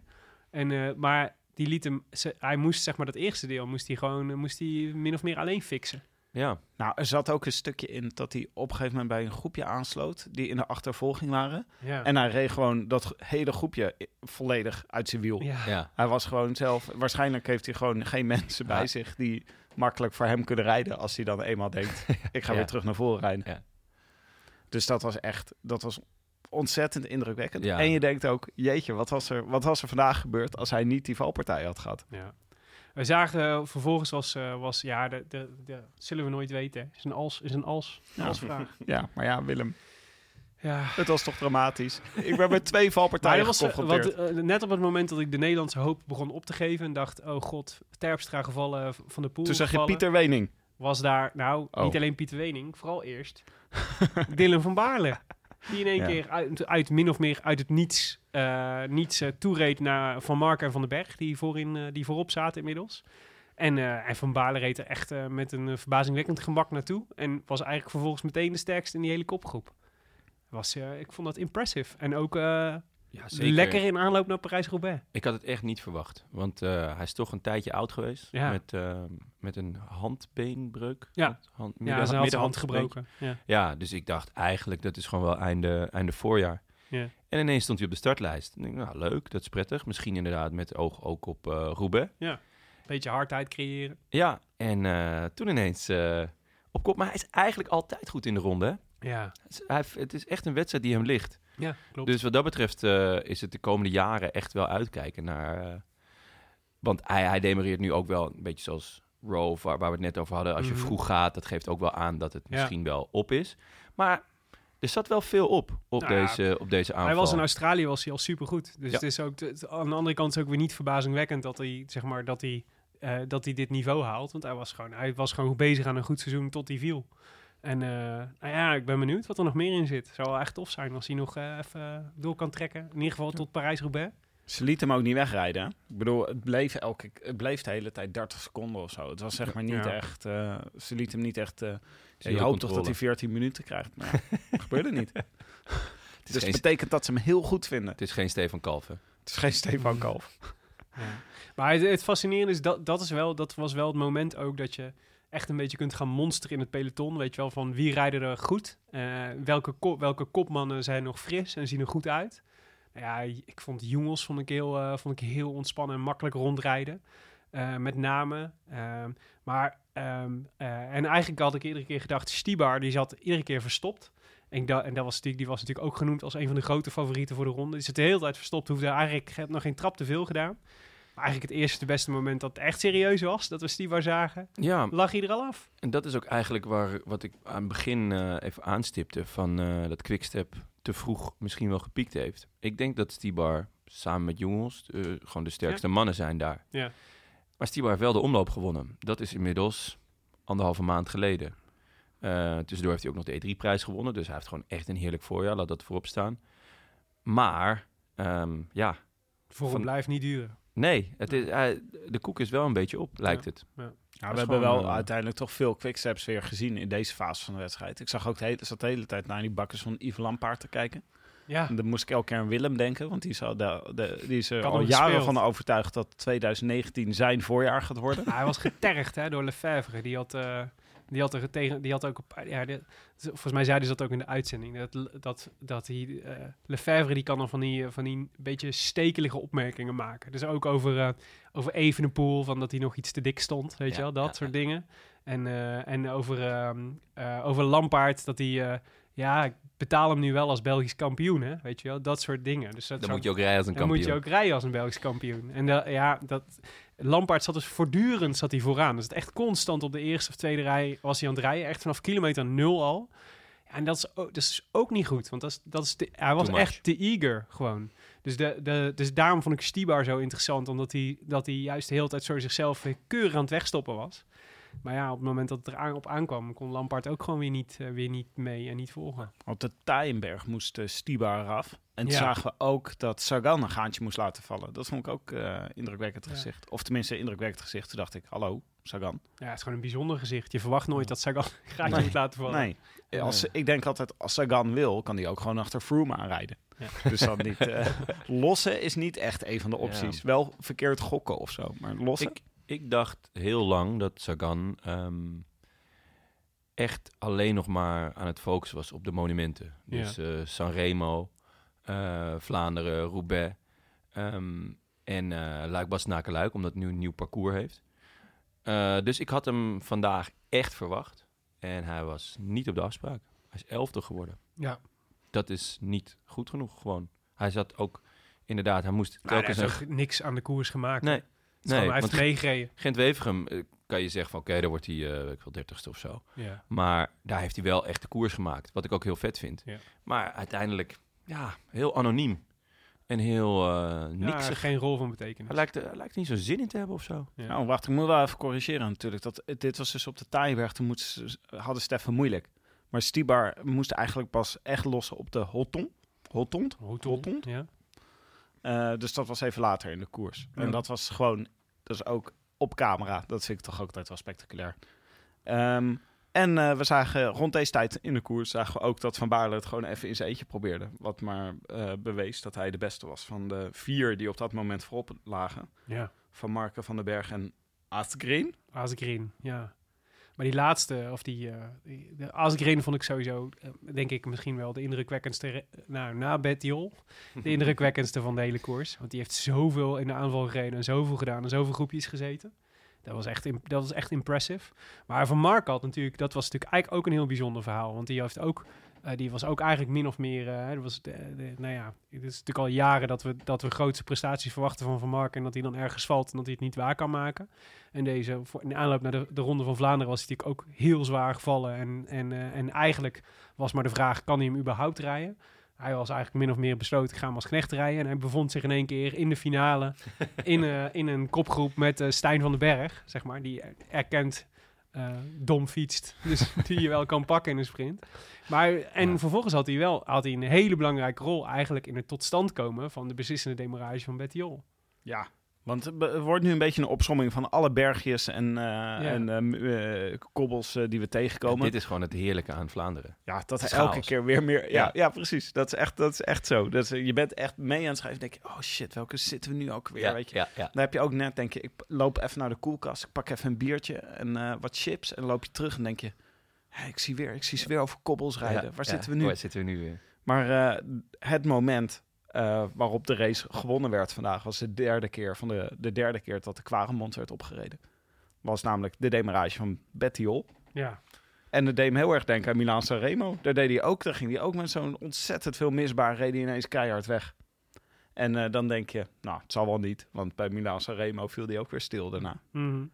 Maar eh, nu eh, trok hij hem gewoon door op de Paterberg. Ja, dubbel hè. Dus eh, maar zijn dubbele demarrage eigenlijk. Dus een eerste echte versnelling van Avermaat. Ik had het gevoel van Avermaat rijdt er gewoon naartoe en die gaat gewoon mee. En toen, ging hij, toen hij eenmaal in het wiel zat, ging hij nog een keer. Toen was, er in één keer, was er in één keer ruimte tussen Van Avermaat en Betty Hol. Van Avermaat zei ook na afloop, ik kon niet, ik kon niet harder. Nee, maar niemand die erachter zat dus ook niet. Ja. Dus ja, Naast ze zat erachter een jongens en Van Aert. Ja toch ook Die niet konden, al- konden allemaal niet de sprong, eh, sprong nemen. Misschien hebben ze ook, ik weet niet, ik heb ze niet allemaal gehoord na de wedstrijd, maar misschien hebben ook een aantal van hun gedacht. Ah, Betty Hol, Ja, natuurlijk is dat wel goed. Nou, of laat iemand anders het maar opknappen. Ja, misschien wel. Greg zei heel echt als een, eh, als een groot verliezer, om het zo te zeggen, van nee, ik kon niet mee. Ja. Hij was gewoon te goed vandaag. En om heel te zijn, Jongels, die wordt ook eh zestiende of zo. Mhm. Die was ook gewoon niet goed genoeg. Ehm, en ja, Nase heb ik niet gehoord verder, maar ja, hij kon- ze konden het toch gewoon allemaal niet mee. Nee, hij, nee, nee. hij, nee. hij, het- nee, het was hij demareert op het zwaarste punt Ja. van de koers. Ja, er valt niks En, over te zeggen. eh, Hij had natuurlijk wel echt indrukwekkend. Ja, heel indrukwekkend. Echt goed. Eh, van Mark had heel veel gewerkt, zeg maar, voor- om hem goed, om hem goed af te zetten daar. Ja. Deed hij, dat vond ik echt knap. Eh, en vervolgens had Langeveld natuurlijk wel echt een hele belangrijke rol in die achtervolgende groep. Om, om echt te storen. Het was echt een soort o- vintage quickstep bijna Ja. wat hij deed. Ja, echt gewoon lekker afstoppen. Ja, ik vond ook, eh werd over, op een gegeven moment zei Michel, eh, omdat hij eh, omdat hij van Avermaat, eh, dat hij de deur dichtgooide voor Van Avermaat, volgens mij op die, die laatste op de Paterberg, volgens mij. Dat hij zei, ja, dit, gaat eigenlijk, dit kan eigenlijk niet, dit gaat eigenlijk net te ver. Terwijl ik dacht, vond, vond het echt heel erg meevallen wat hij eigenlijk elke deed. week. Ja, ja, precies. Die Ja, waren Michel en José waren boos op dit ja, moment. ja, ja, ja, ja, natuurlijk. Van, Best. Aven, van Avermaat wordt daar, maar dat was, gewoon, dat was echt keurig werk van Langeveld. Ja, zeker. Want ik denk dat hij heel veel heeft, eh, dat hij heel veel heeft tegengehouden aan organisatie. Weet je, want hij ging echt, hij ging gewoon afremmen aan, op de voet van de Paterberg. Ja, dan sta je zo'n beetje stil en dan moet je jezelf weer optrekken. Ja, dat is natuurlijk echt funest. Mooie, mooie officieuze regel in het peloton is volgens mij als er dan iemand weg is en Greg van Avermaat zit nog bij de groep, dan moet Greg hem gewoon terughalen. Dan gaat de rest gewoon k- wachten totdat Greg hem terughaalt. Ja. Het is toch een beetje, zeg maar, het Nederlands elftal onder de renners in het peloton. Maar dat- ja. Die moet altijd vuile werk op Maar dat gebeurde hier dus. Dat soort, dat het soort, weet je, dat, dat, dat probleem ontstond. Dus dat je op een gegeven moment heeft hij 15, 20 seconden. En dan moet iemand zich opofferen om, het, om hem te gaan halen. Maar dat is natuurlijk, degene die zich opoffert, is kansloos bij de, in, de, in, in het vervolg. Dus je ziet zo'n soort van collectieve eh, eh, weigering om daar verantwoordelijkheid voor te nemen. Weet je wel. En ja, soms heb je dan ploegen die dan nog een paar man hadden. Maar dat was bijvoorbeeld, nou ja, bijvoorbeeld de Koning Quickstep. Maar die hadden weer niemand die het vervolgens had kunnen afmaken. Dus die hadden ook niet per se een... als je daar nog Viviani hebt zitten of zo, weet je wel. Dat je denkt, we moeten zorgen dat de sprint wordt. Ja, dat is wel wat anders. Ja. Nou, eigenlijk was degene, de ploeg die het best vertegenwoordigd was in die kopge- kopgroep, was gewoon je education first. Dus ja, Ja. dan... Ja, daar, daar, daar kan je gewoon heel weinig tegen Fantastisch, toch? Dit is gewoon... Heel dit vet. Is, dit is, maar dit is echt een ploeg die... eh, die eh, jaren onderaan allerlei lijstjes van, eh, van financiën en overwinningen Ja. bungelt. En die nu in één keer een soort van hervonden ambitie of, of ja, supergoeie renners binnen heeft gehaald. beginnen. Pieter Schep, Peter, hè? Peter. En ze ze, elke keer fout. Ja, het is allemaal Peter Scheppen. Peter Ik Scheppen. ga gewoon vanaf nu alleen zijn achternaam zeggen. Schep. Schep, Schep. ze rijden ook in, eh, ineens in kekke. Rafa-pakjes rond. Met Ja. zo'n met zo'n overloopje, weet je wel. Dat hebben alle hippe voetbalteams op dit Zo moment. vet. Die hebben een overloopje in hun En eh, bij, die pre- bij de presentatie hadden, allemaal zo, hadden ze allemaal een roze vissershoedje op. Ja. dat is Dat echt is allemaal eh, bij Pinkpop waren geweest. Maar idee. denk je, dat staat symbool. De vissershoedjes van Education First staan symbool voor de wederopstanding van de ploeg. Eh, in welk opzicht? nou ja, ik- ze hebben nieuwe helmen, ze hebben nieuwe Ja. fietsen, Ja, ze het hebben is- nieuwe, ze hebben nieuwe shirtjes. Ja. Ja, ik hou dus niet zo van die verloopjes in het shirt. Maar ja, Gaffa is een mooie ik vind het mooie, serieus mooie een van de mooiste pakken van het hele Ik peloton. vind het het mooiste pak van het peloton. Ik had het zelf aan kunnen hebben, joh. ja, je hebt Sterker nog, je hebt het aan. nee, laten we, het laten we, Ongelooflijk. Jonne zit hier in de trui van het Duitse voetbalelftal 1990. Eh, ja, exact. Wow, ja. scherp. Ja, met, Ja. Die, met die strepen zo Ja. van de Adidas op aan die Muller. Ah, ja, Matthäus. inderdaad. Ja. Ja. Ik ben, ik ben ook een paar keer bespuugd op straat. net. Maar gaan we straks nog wel even doen. Ik vond het wel een, eh, ik vond het wel een beetje teleurstellend. In die zin dat ik op een gegeven moment zat te kijken naar Bettiol. Die eh, zijn voorsprong vasthield. Op de, de Paterberg overreden deed hij echt heel erg goed. Maar toen hield de hele ploeg, hield, eh, of de hele achtervolgende ploeg, hield de benen stil. Ik zag alleen Greg een beetje voorop peddelen af en toe. En het was, eh, Ja. ja, je kan zeggen, niemand kon meer. Het was een hele lange koers. Maar ik, ze, deden ook, ze zaten ook naar elkaar te kijken. En daar profiteerde Bettiol ook van hoor. Dat Ja. was wel jammer. Ja. Maar ja, nogmaals, je- ik vind eh, het is terecht de winnaar. Reed op het zwaarste punt, reed hij weg. Reed iedereen uit zijn wiel. Dus Ja, en dan was in de E3-prijs kan was, hij ook al- was hij ook al ijzersterk, hè? Ja. Dat hij ook gewoon vierde. En eh, hij rijdt gewoon al het hele jaar goed. Ja. Tweede in de tijdrit in de Tirreno. Op drie seconden van Kampenaerts. Ja. Dat is gewoon allemaal goed. En hij, er is grappig, er is een interview van hem dat circuleert. Dat hij in 2017 over de Ronde van Vlaanderen praat. En dan zegt hij van, zo'n moeilijke koers is het helemaal niet. Je moet gewoon zorgen dat je aan het einde, dat je een klein gaatje hebt. Want die wegen zijn smal. Het is moeilijk om je daar te organiseren. Hmm. En als je dan weg bent, is het moeilijk om je terug te pakken. Dat is precies wat hij vandaag gedaan heeft. Ja, vet. Ah, ik vond hem sowieso heel sympathiek na afloop. Ehm, vooral dat hij ook zei, ja, ik heb het idee dat jullie mij in België beter kennen dan, dan de mensen in Italië. Italiaanse journalisten, ja, ja die lopen me eigenlijk gewoon voorbij. ja. Oh, ja. Jammer, want eh, is- wat, wat kan hij mooi aanvallen, die man. Ja, En zeker. hij heeft ook echt eh Katusha-waardig haar. Ja. Echt, eh, echt, eh, echt Alpecin, eh, Alpecin kwaliteit. Ja. Zou me zorgen maken als ik kittel was. Volgend jaar eh, zij zitten ze bij eh EF Education. Mooier, mooier dan de tanden van Niels Polit? Eh, een tikje, een tikje. Ja. Maar we kregen daar hierdoor een raar, eh, een merkwaardig podium. Bettiol eerste. Eh, tweede was Askerin. Askerin. Ja, derde dat- was Christophe. En eh, vierde van de pool, toch? Als ik het aan mijn hoofd zeg. Bizar dat Van der Poel gewoon nog vierde wordt, hè? Ja. Het staat, ik bedoel, het slaat, gewoon, het slaat natuurlijk gewoon helemaal nergens op eigenlijk. Dat hij, weet je, na zo'n val en na zo'n koers gewoon nog even alsof het niks is, vierde wordt. En ook dat we er niet eens echt van opkijken dat dat zo is. Het is gewoon, weet je nog wat de, hype in België was toen Ties Benoot in zijn eerste ronde van Vlaanderen vijfde werd? Ja, Weet je, ja, de- wel ja, hoe, hoe, tot op de dag van vandaag wordt Ties Benoot eraan herinnerd dat hij vijfde werd in zijn eerste ronde van Vlaanderen. Ja. Nee, Van der Poel wordt vierde in zijn, wat is het, zijn tweede World Tour koers is het? Denk ik, die hij rijdt Eh, ooit? Derde. Gent-Wevergem, dwars door Vlaanderen en eh, vandaag derde. Ja. dus, ja. Nou ja, en hij, hij wordt, hij, wordt, hij wordt vierde en iedereen vindt het gewoon, ja, eigenlijk valt het nog tegen, Ja. weet je? Hij Dat was, is toch eh, bizar. Hij was favoriet bij de boekies. Ja, Dat zegt al genoeg. nou ja, en niet zonder reden dus. Hij bewijst het gewoon, eigenlijk. Ik bedoel, hij wint dan wel niet, maar ja. Goed. En eh, de vrienden van de show, waar zijn die geëindigd? Dylan van Baarle op de 18e plek. ja, keurig. Heel goed gereden. Mooi, Ja, mooi. grote Ja. klasse. Teunissen vond ik een beetje tegenvallen, eerlijk gezegd. Ook al vooral omdat ik hem niet heel veel gezien heb in de, tijdens de Nou, hij koers. zat er ineens oh, ergens zo op eh, driekwart, zag ik hem ineens, eh, zat, bleek hij erbij te zitten. Ja. En, eh, Ik zou hij benieuwd reed zijn toch wel goed hoor. Volgende week eh, verwacht ik veel van hem. Ja, ik had wel gehoopt dat hij nog dat hij iets dichterbij zou zitten en dat hij iets een Ja. grotere rol zou kunnen spelen. Want ik vond echt, eh, ik vond Van Aert wel echt geïsoleerd zitten eigenlijk. En dat is ook wel, eh, dat is van Poppel natuurlijk, die dan daar, die daarbij verwacht. Ja, maar Wijnands, eigenlijk ook. Wijnands reed, eh, Hij had ook pech. dat, pech. Ja. En la- laten we wel wezen, dit is het eerste jaar dat Jumbo-Visma een, een voorjaarsploeg heeft. En nu zijn we al verwend van, ja, ik vond Van, van Aert wel Ja, geïsoleerd zitten. natuurlijk is dat zo. Dan denk ik, ja, het is wel echt een ongekende luxe hè, dat die, wat die jongens daar aan het doen zijn. Nee, de- maar dat is helemaal waar. Maar mogen we toch nog wel de... nee, natuurlijk. Je moet kritisch verwachtingen hoog Mooi, mooi. Ja. Van Aert zit er in elke Ah. finale bij hè, waar hij meedoet. ja, hij is Ongelooflijk. echt knettergoed. Curvers werd 107e. Oh. Keurig. Yevgeny Gidic. Ah, Helaas, ondanks een Surplas, een DNFje achter zijn naam. is hij gewoon, hij is surplus nog steeds. Ja, Hij staat gewoon nog steeds stil daar. Iemand, iemand moet hem daar echt weghalen nu. Honorable mention wel. Ja. Honorable Op een gegeven moment gaan ze gewoon die hekken weghalen. Dan staat hij gewoon weer in de open, op de openbare weg te Surplas. Hè? En Fino, is Fino nog gefinished? Nee, Fino, eh, nee. Ook een Fino, DNF, ook een. DNFje. Tisch, eh, negende. Dat Mooi. is volgens mij zijn tweede beste prestatie in, eh in eh, Nee, Vlaanderen. nee Vijfde? vorig, vorig jaar achtste Oh ja? Oh, nou, uit mijn hoofd. zijn derde beste prestatie. Dus, nou, weer klasse toch? Zeker. Top 10, ja, drie ja, keer. Ja, Hij, hij is ook in vorm aan het komen. Ja, ja, ja. Oh, Tisch. Maar boy. Schrijf hem maar op voor, eh, voor eh, De Dauphiné. de Dauphiné. Ja? Ronde? Ja. Ik denk dat hij daar wel, eh, dat hij daar wel goed gaat doen, ja. Ik denk dat hij wel top 10 eh, kan rijden daar. Nu we het toch over uh, Tisch hebben. We hebben een, eh, we hebben een, een veiling lopen met Tisch. Ja, ik zag het. Ja? Super vet. We hebben een eh, prachtige foto van, eh van eh Cor Vos gekregen, de erkende wielerfotograaf. die eh, gekiekt had na afloop van zijn overwinning in de Strade Bianche. Eh, dus dat is die prachtige foto. Weet je, volgens mij is dat inmiddels wel zo'n klassiek beeld dat zijn kop zo vol van dat grijze, grijze stof zit.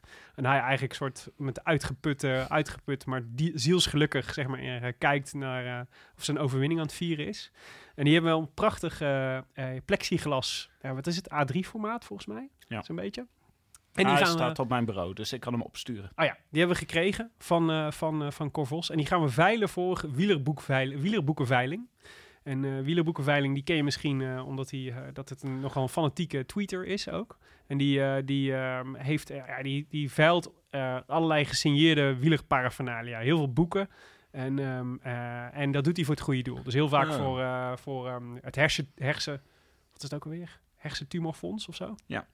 En ehm, dus daar doen wij graag een keer aan mee. Die vroegen ons, hebben jullie niet nog iets leuks? En toen hebben, konden we dit regelen. Dus nu hebben we een Mooi. prachtige foto van Ties Benoot. Het hoogste bod tot nu toe is 125 euro Oh, lekker. van Tom van Os. Maar dat kan natuurlijk nog hoger. Dus als je zin hebt om een, eh, een foto van Ties Benoot voortaan in je huis te hebben, dan is dit eh, de kans.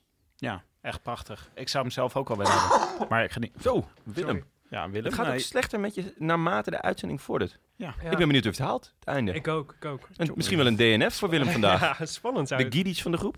Ik, ik, ik, ik hang aan het elastiek, laat ik het zo zeggen. Nou, dan hadden we... de- Maar je Dan kunt hem, eh, je kunt hem We dus- moeten nu kunt- aanzetten, Tim. je kunt- los van hem. Je kunt bieden op onze Facebookpagina, de Rode Lantaarn. En het volledige, het volledige bedrag gaat dus naar het hersentumorfonds. Willem, je moet nu even je stem sparen en gewoon iets Ja. zeggen wanneer je de tijd eh, daar Ja. rijp voor acht. De, je Gooi- kans grijpen. Gooi even die leffen achterover. We deden ook een, eh, natuurlijk, een voorspelbokaal. Nou, het liep de hele week door. We hadden echt ontzettend veel mensen die meededen. Drie- meer, dan, meer dan 300. meer dan 300 deelnemers. Waarvan er Dat toch ronde. 200 Mathieu van der Poel voorspelden. Ja. zoals we allemaal graag wilden. Eh, wie hadden wij? Eh, Jonne had toch Greg. My boy. Nee, niet my boy. My man. Hij Greg. deed- nou, goed gereden vandaag. Mooi gereden. Jammer, Ja. eh, jammer dat hij Ah, net, net op het beslissend moment niet mee kon. Tiende, hè? Gewoon. Ik had eh, Luke Rowe. Leuk. Ook gewoon, eh nou, Leuk, hij, bro. hij goed 27e. voorjaar, maar het is niet perfect. Eh, Willem eh, zit nog steeds te wachten op het sprankelende voorjaar van Yves Lampaard, 17e. 17e. Ah, lekker, dan win ik gewoon Ja. win ik deze week. Nee, nee, nee, nee, nee. Zo werkt, zo werkt het niet. Nou ja, oké, van maar ons drie. ja, van ons drie wel, toch? Ik bedoel, Tim hebben we daar vorige week nog mee gefeliciteerd. Ja, Jonne, je hebt het hartstikke goed gedaan. Dankjewel, Tim. En ehm, hebben, ja, wij, was er iemand die het goed voorspeld heeft? Van Betty Hol, kan ik me voorstellen. Ik zag hem in veel van die wiskundige modellen. Je hebt van die eh twitteraars zoals eh Zoer Cycling, hoe heet hij ook weer? Zoer eh Ja. Wielerstad. Ja. Die maken van die wiskundige modellen die dan eh, proberen de winnaar te voorspellen. En eh, daar zag ik Betty Hol zag ik wel een paar keer terugkomen. Maar eh, die eh, nou, ongeveer in de categorie Luke Rowe, weet je wel. Het Ja. zou kunnen, maar het is niet heel Ja. waarschijnlijk. Ja. En hadden wij mensen die het goed voorspelden? Nou ja, bij die 300 zaten er dus twee die het goed hadden. Die Betty Hol hadden voorspeld. Zo. Nico Tol was de eerste. Die al- ook al tijdens de Vuelta een voorspelbokaal had, ge- had gewonnen. Wat ik weet, omdat ik deze week de Vuelta voorspelbokaal prijzen heb verstuurd. Onder andere aan Nico Tol. Eh, dus die had al... eh, en eh, David Vliegen. Die dus vorige week had hij, had hij Alexander Christophe in Gent-Wevelgem goed voorspeld. Oh. En nu noemt hij Betty Hol voor, eh, voor de Ronde van Vlaanderen. Absurd. En eh, we hebben geloot en hij heeft dus gewonnen, eh, de voorspelbokaal. Dus dit is denk ik voor het eerst een, de primeur in de Rode Lantaarn dat iemand back-to-back een voorspelbokaal wint. En Ja. als hij alle monumenten dit jaar goed voorspelt, dan, moet hij wel een, eh, dan moeten we hem nog zo'n t-shirt Ja, dan, sturen. nee, dan, dan hernoemen Dan- we de Rode Lantaarn naar eh Hoera voor David Vliegen. Ja, ja, Ja. dat lijkt me een goeie. Ja. Maar, maar ik bedoel, de- bedenk eventjes hoe knap dat is. echt- Alexander Christophe en Betty Jol als, eh, als eh, vet. winnaars noemen. Ja. Ja, Echt knap. Dus ik heb hem ook gevraagd Vraag van, me eh, af- wie, die, wie die voor Parijs-Roubaix voorspelt. Zodat Want- wij vast naar Unibet kunnen voordat, voordat anderen doen. Ja, en wat hij misschien wel doet, maar dat, want dat kunnen wij denk ik moeilijk ehm, controleren, is dat hij gewoon heel vaak meedoet. Ja. Hoe bedoel je dat? Dat, dat, dat Suggereer jij je vals spel? tien Nee. inzendingen, Ja. bedoelt Jonne. Ja, Nee, nee, nee, nee, nee. Daar kom je niet door eh, de notaris. Maar, Nee, maar wacht even, ik ken, Nee, hier, nee, nee. ik ken er twee mensen in deze kamer die eh, aan de gemiddelde koers meedoen met ongeveer drie tourpoeltjes en ook nog eens op twintig renners inzetten en dan vervolgens dat in de uitzending uitgebreid gaan, eh, gaan zitten claimen. Eh, laten, we het, eh, laten we het zeggen, dat is slim van David Vliegen, oké. als hij dat doet. Touché daar vliegen. Maar nee, ja, echt, echt heel knap. Heel vet. De volgende voorspelbokaal. Ja, deze David Vliegen mag, eh, die mag eh, natuurlijk eh, mag de volgende eh, Rode Lantaarn weer de groetjes doen. Ja. Maar hij mocht het natuurlijk nu ook voor, eh, voor Gent-Wevelgem nog. Dus daar gaan we nu even naar luisteren.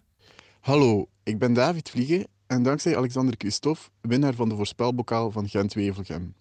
Ik zou hier heel graag de groetjes doen aan mijn knappe vriendin Emma. Ze zegt zelf altijd dat ze niet zoveel heeft met wielrennen, maar weet dan wel dat Alejandro Valverde wereldkampioen is en Simon Yates de winnaar van de meest recente Vuelta. Dat vind ik echt heel tof. Ik wens alle luisteraars van de Rode Lantaarn een spettende Ronde van Vlaanderen toe en mijn naam die daarvoor in de voorspelbokaal gaat is Alberto Bettiol.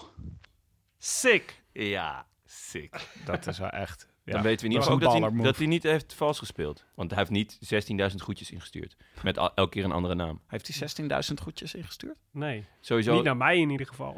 wel echt, eh, ja. En Ongelooflijk. hij heeft ook nog een vriendin die Emma heet. Het, het, het houdt niet op. Net als jij, bedoel je. Dat is fantastisch. Wat een man. ja, wat een man. Ik ben benieuwd eh, wie hij voor eh, Roubaix heeft opgeschreven. Eh, laten we even kijken, wie hebben wij voor eh, Roubaix opgeschreven? Eh, Jonne, wie heb jij? Ja, eh, een, eh, ik ga voor een outsider. Ik zag dat we eigenlijk een beetje een rondje outsiders deden. In ons voorbereidingsdocumentje. Dus ik ben voor eh, Ivan Garcia Cortina gegaan. Oh, wacht even. Cortina, dat is de is Spanjaard? Een Spanjaard, 23 jaar, rijdt voor Bahrein Merida uit mijn hoofd. Schitterende ploeg. Bijna net zo als Grote gast, grote gast, zeker voor een Spanjaard. Ja. Heeft al een paar keer echt in beeld gereden. Hij is jong. En ehm, Michel en José zeiden dat hij toch eens voor een Vlaamse ploeg moest gaan rijden. Want hij kan een voorjaar rijden, maar in Spanje is dat natuurlijk heel, helemaal niet gebruikelijk. Eh, maar de, de Vlaamse wegen liggen hem wel. En Roubaix zou hem ook moeten liggen, omdat hij ook wat zwaarder is. Hm. Wie heb jij, Tim? Ik had trouwens gehoopt dat Valverde het vandaag goed zou doen, maar dat, is, eh, dat ging niet helemaal. Ah, was niet slecht, toch? leek er even op. Maar, Voor, voor zijn debuut. ja. Zijn debuut. Ja, Was dit de eerste keer ronde? eerste keer. Ah, nice. Nou, dan toch Over een gedaan. jaar of vijf wint hij. Ja, ik had dus voor vandaag Luke Rowe opgeschreven. Ik vond dat hij het eh, aardig heeft gedaan. Maar eh, volgende week, ik schrijf hem gewoon weer op voor volgende week. Want Jij eh, gaat gewoon Luc Rowe opschrijven tot hij wint. Wil je hem ook vast voor de Tour? voor, de, voor de eindoverwinning in de Tour. Nee, daar ga ik Tom Dumoulin opschrijven. De Grow, oké. Ik ga voor Niels Poliet. De tanden! We hadden, het, we hadden het al even over hem. Maar eh, ja, Ble- Gebleekte tanden? Ja, die gebruikt die eh, Giant Alpecin gebruikt hij voor zijn tanden.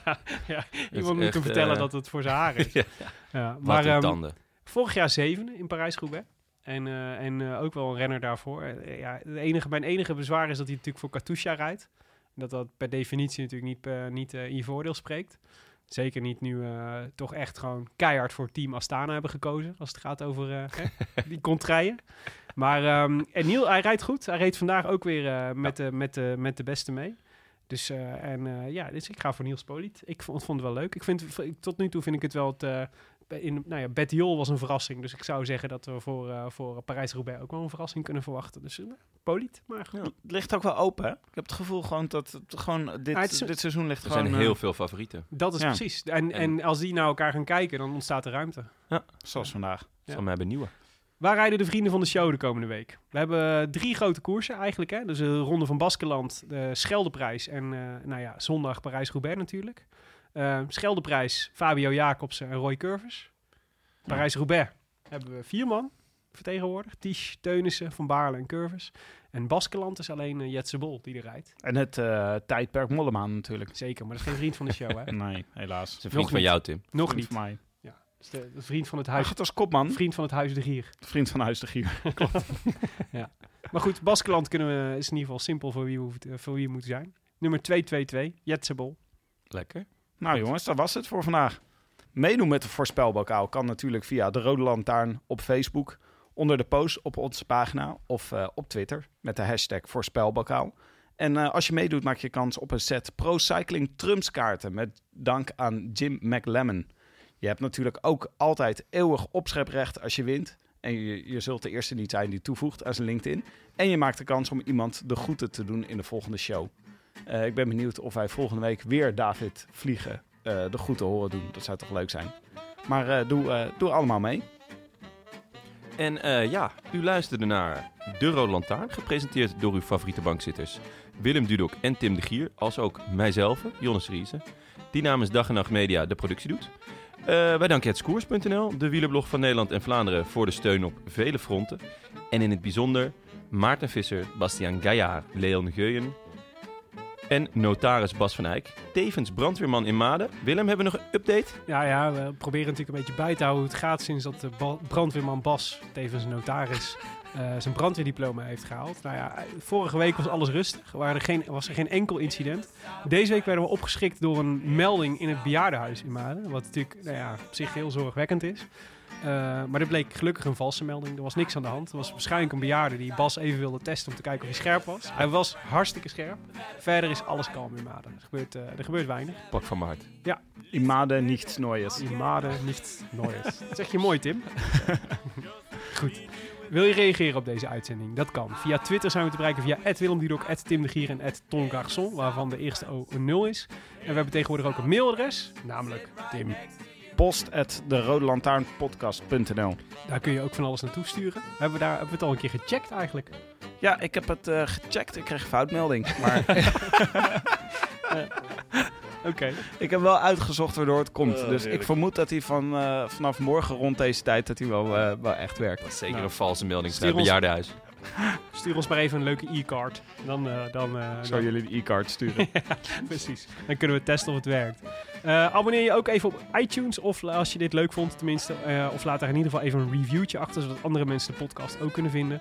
En wij weer wat te lezen hebben. Want dat vinden we echt hartstikke leuk. Om te horen wat jullie er allemaal van vinden. We hebben er inmiddels meer dan 400 van die iTunes reviews. En die jouwe kan dan toch ook niet ontbreken, zou je zeggen. Hè? Als je het leuk vond. Tim, hebben we er nog één? Nou, we hebben eentje met de prachtige titel Snifsnaf onderweg. Vijf, eh, vijf sterren. Van Dutch Lemon Tree. Niet van El Pa- Paulini. Nee, ja, waarschijnlijk is dit El Paulini, maar dat is, eh, ja, dat is waarschijnlijk een halve Belg. Da- daarom is het Nederland zo goed. Eh, hij schrijft: Dit was weer een stevige podcast om een autorit van vijf kwartier als vanzelf voorbij te laten glijden. Om José de Kouwer te citeren: Een eenmaar van een episode. Op naar het volgende monument, Vlaanderen boven. Waar men de Heer nog kan loven. Waar de mensen belangrijk zijn en de buiken omvangrijk zijn. Eh, zeg dat Raymond van het Groene Woud het gezegd heeft. Nou, dankjewel, Dutch Lemon Tree.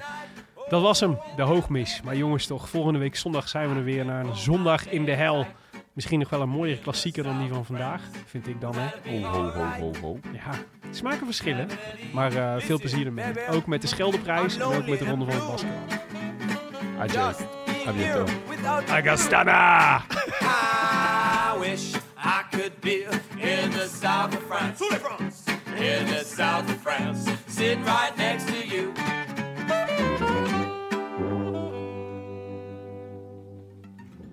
Uno, dos, one, two, tres, cuatro.